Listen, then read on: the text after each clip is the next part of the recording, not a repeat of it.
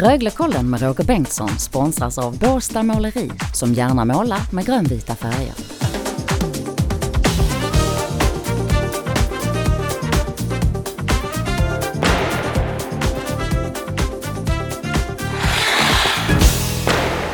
Minsann om det inte är Röglekollen som kikar in här i Radio Båstad. Det är ju ett rörigt spelschema den här säsongen i SHL och inte minst drabbar det ju Rögle. Men på torsdagskvällen så tog man emot Leksand efter ett lite längre speluppehåll.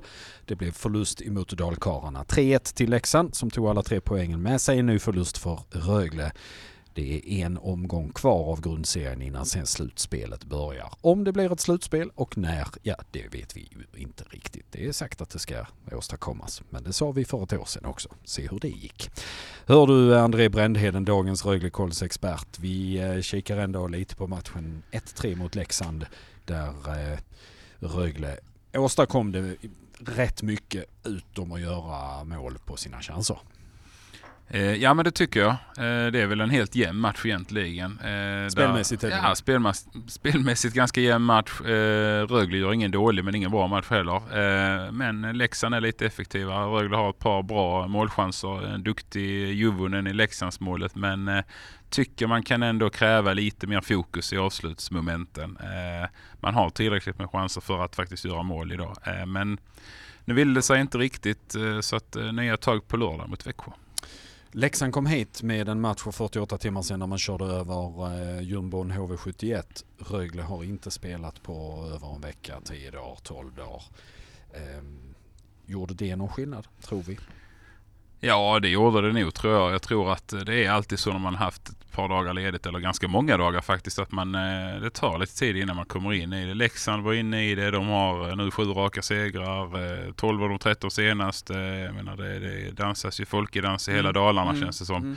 Så att det är klart, de kommer hit med ett enormt självförtroende också. Det är klart att då behöver de inte sådär jättemånga lägen för att göra mål och när de väl gör mål så är de rätt så trygga med att försvara sig. Så att eh, jag tror det spelar in att Rögle inte hade den där matchtempot i sig. Eh, vill inte skylla på det men det påverkar nog lite.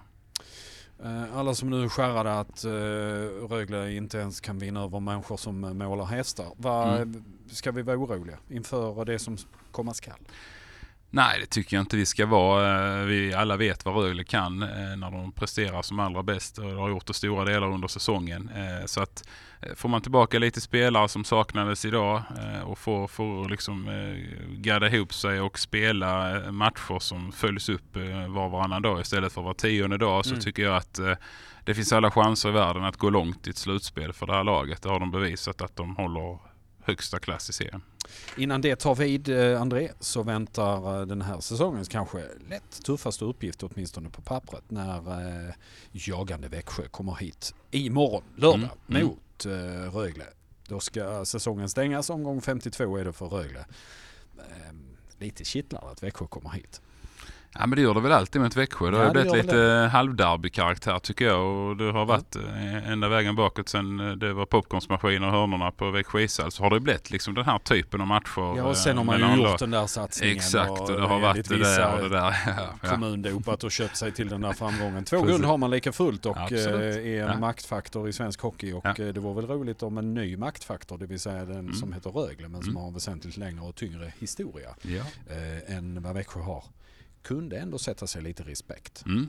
Ja, men jag tror det är en viktig match eh, imorgon. Eh, där eh, man, man, vill inte bara liksom eh, vinna över Växjö. Jag tror också man vill göra en bra match efter eh, torsdagens eh, lite sämre mot Leksand. Jag tror man vill få med sig en vinst in i slutspelet. Även om... Eh, ja, för det kan vara viktigt. Ja, men det är ändå gott att ha det liksom mm. i ryggen och veta att ja, men vi gjorde en sjukt bra match. Den sista vi gjorde faktiskt innan vi drar igång. Och, det kan ju vara så att man möter Växjö här sen i i rätt så avgörande matcher i ett slutspel och då är det också rätt gött att ha satt dem lite på plats eh, i sista omgången. Så att eh, jag tror den betyder rätt så mycket faktiskt för Rögle eh, att vinna.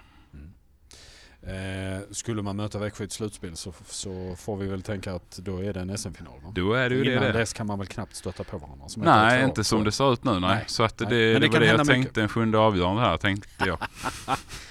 Bra tänkt André. Yes, tack. Jag kunde inte läsa dina tankar där. Hör du, eh, men du lovar att komma tillbaka i slutspelet och, och vara vår ciceron bland annat här i Röglekollen. Ja men absolut, Mm. det är klart att jag gör. Jag tar det som ett löfte. Japp. André Brändheden och Roger Bengtsson tackar för visat intresse.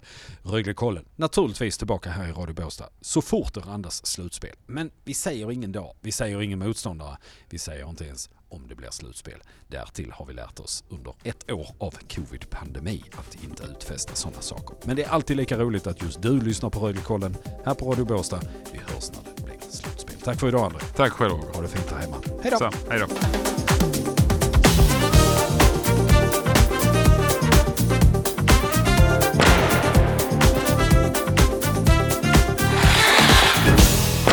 Du har hört Röglekollen som görs i samarbete med Båstad Måleri.